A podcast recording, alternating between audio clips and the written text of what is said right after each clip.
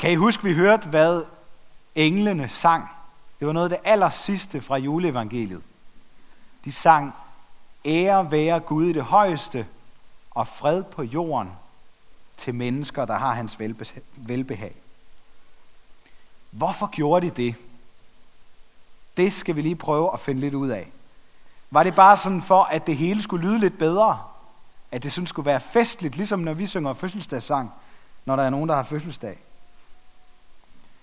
Var det overhovedet vigtigt? Var det hele ikke sket alligevel, hvis ikke de havde sunget? Hvis de ikke de havde været der? Hele den der kæmpe store her af en hel masse lysende engle. Ofte så tror jeg, det er sådan, at vi ikke at vi tænker, at det vi ikke kan se, det er nok ikke så vigtigt. Og sådan er det jo faktisk med engle. Som regel, så kan vi ikke se dem. Så er de usynlige. Men i dag er det ikke for meget at sige, at det er englene, der kommer med gaven fra Gud. Der er ikke brug for nogen kane eller julemand, for Gud har en hel hær af usynlige engle, der kommer med hans gaver til os. Hvis ikke Herrens engel, som vi hørte om, Gabriel, havde besøgt Maria, så var det ikke blevet jul. Hvis ikke Guds engel havde fortalt, at Jesus var født, og en hel her af engle havde sunget for hyrderne, så havde de måske aldrig mødt Jesus. Og endnu værre, så havde vi heller ikke hørt om ham. Jeg tror, der er mange af jer, der kender øh, det, man kalder dominobrikker. Sådan nogle små firkantede brikker, som man sådan kan stille op i række efter hinanden. Så skal de stå sådan forholdsvis tæt. Så stiller man en masse op i række, og så herude yderst, der skubber man lige til den første. Og så vælter den, den næste, og den næste, og den næste, og den næste. Hvis man så laver sådan et flot mønster, så kan det se rigtig godt ud. Og til sidst, så er den aller sidste dominobrik, den er også væltet. Sådan er det med jul. Det var englene, der fik, at Gud fik lov til at vælte den første dominobrik. Og så kom hyrderne. Og så kom alle disciplene, som hørte om Jesus. Og så kom kirken, som vi er en del af. Alle de mennesker, som har hørt om Jesus gennem disciplene. Og til sidst, den sidste dominobrik indtil videre, det er os, der er her i dag. Og nu hører vi også om det. En gang imellem, så viser Guds engle sig for os. Men for det meste, så er de usynlige. Men derfor er de der alligevel. Jeg har øh, mange gange set en god film om engle, der hedder Preacher's Wife, eller som sendt fra himlen, er den oversat til på dansk. Den handler om en præst, som er rigtig godt træt af det hele. Og det til trods for, at det næsten er jul. Kirken, som han er præst i, den skal lukkes.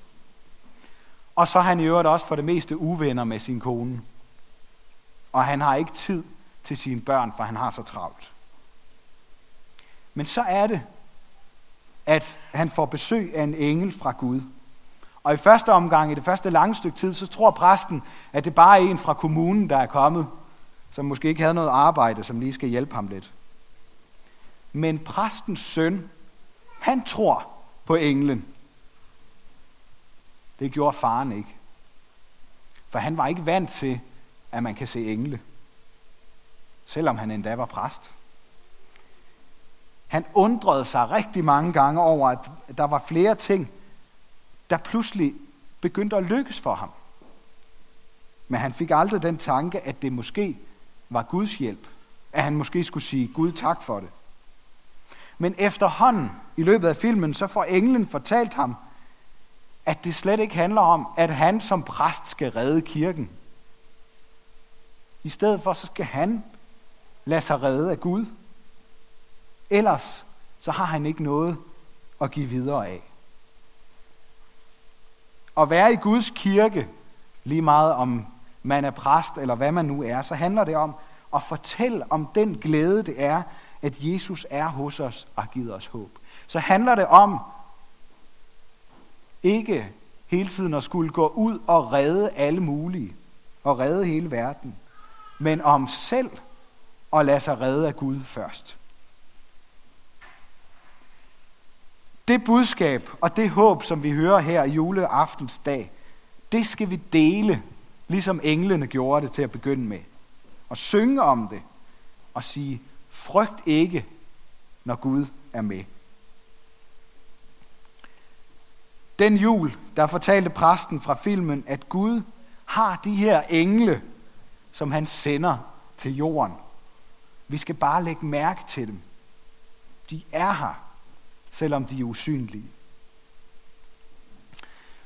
Jeg vil godt sige, at øh, jeg ved ikke af, at jeg har haft besøg af en engel på den måde. Jeg har faktisk aldrig set en engel. Men jeg vil gerne fortælle jer en historie om dengang jeg var barn. Der hvor jeg boede med min mor og far, der var der en lade lige i nærheden, hvor der var et halmloft op ovenpå. Og vi havde fået at vide af mor og far, at vi ikke måtte gå derop og lege alene. Fordi øh, det ville de ikke have, og så kunne vi også falde ned. Men øh, det gjorde vi så alligevel. Og øh, jeg kan huske en gang, hvor vi øh, på et tidspunkt, der byggede vi sådan en kæmpe stor halmhule, sådan så den, øh, den gik sådan helt ud til kanten. Den fyldte nærmest hele halmloftet. Og så var der sådan midt i laden, der var sådan et hul ned til etagen nedenunder med et cementgulv.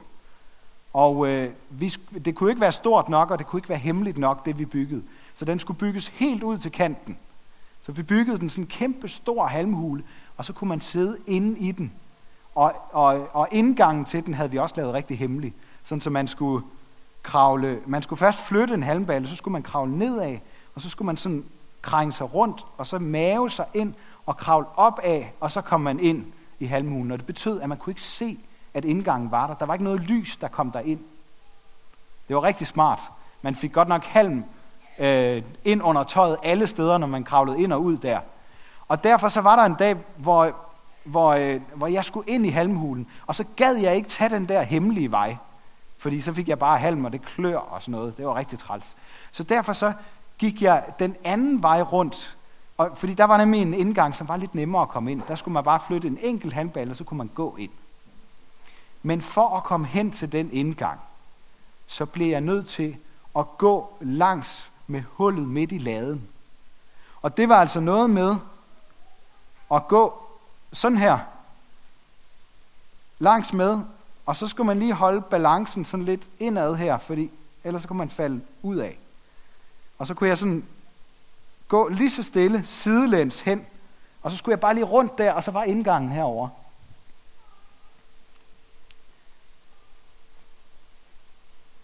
Da jeg så var kommet halvvejs, så kunne jeg pludselig mærke, at jeg ikke længere kunne holde balancen.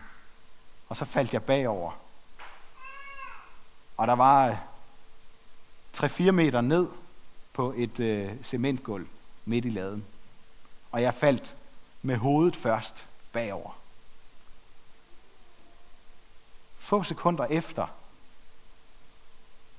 så kiggede jeg rundt, og så så jeg, at jeg lå på cementgulvet, på maven, oven på en halmballe. Og jeg ved ikke, hvordan det er sket. Jeg faldt bagover, greb fat i et eller andet, og landede med halmballen mellem mig og cementgulvet. Jeg forstår ikke helt, hvad der skete. Men måske, måske havde jeg besøg af en engel. Måske var der en engel på spil. Andre gange, så forstår vi ikke, hvad der sker, fordi vi synes, der skulle have været en engel, som lige skulle have passet på, så der ikke skete noget. Og lige meget om det er sådan, at vi ikke forstår, hvad der sker, fordi der ikke rigtig sker noget, fordi vi ikke kan få øje på nogen engle, eller vi ikke forstår noget, fordi det var helt utroligt, at der ikke skete noget med os, så må vi undre os. Og så må vi sige tak til Gud.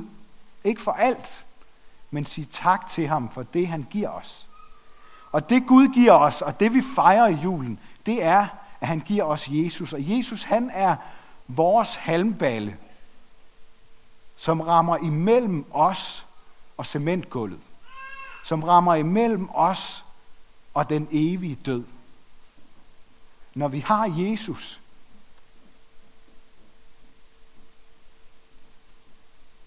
så kan det godt være, at vi falder. Så kan det godt være, at vi mister. Så kan det godt være, at det er rigtig svært, og det er rigtig hårdt at leve. Men der er også noget, vi kan være helt sikre på, og som vi altid kan glæde os over. Ikke mindst her på juleaftensdag, hvor vi fejrer, at Jesus blev født. Jeg tror på, der findes engle. Det er bare ikke altid, vi kan se dem. Vi har faktisk også en hel masse engle på juletræet i år, som vi hang på træet her i søndags. Og de skal minde os både om englene dengang, men også om englene i dag. Og her til sidst i prædikenen, der havde jeg egentlig tænkt, at jeg ville have juletræet til at prædike lidt for os. Hvad siger du, juletræ? Kan du komme med en prædiken? Prøv lige, prøv lige at være helt stille. Jeg skal lige have børn, alle jer børn til at lytte godt efter. Hvis vi lige er helt stille, skal vi høre, om juletræet siger noget til os. Okay? Er I klar? 1, 2, 3, lyt.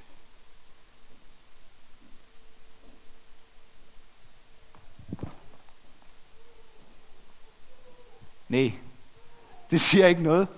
Overhovedet ingenting. Men ved I hvad, det særlige ved juletræer, det er, at de kan holde tale uden at sige noget som helst. Uden at gøre noget. Bare ved at stå og være der. For eksempel, så fortæller juletræet,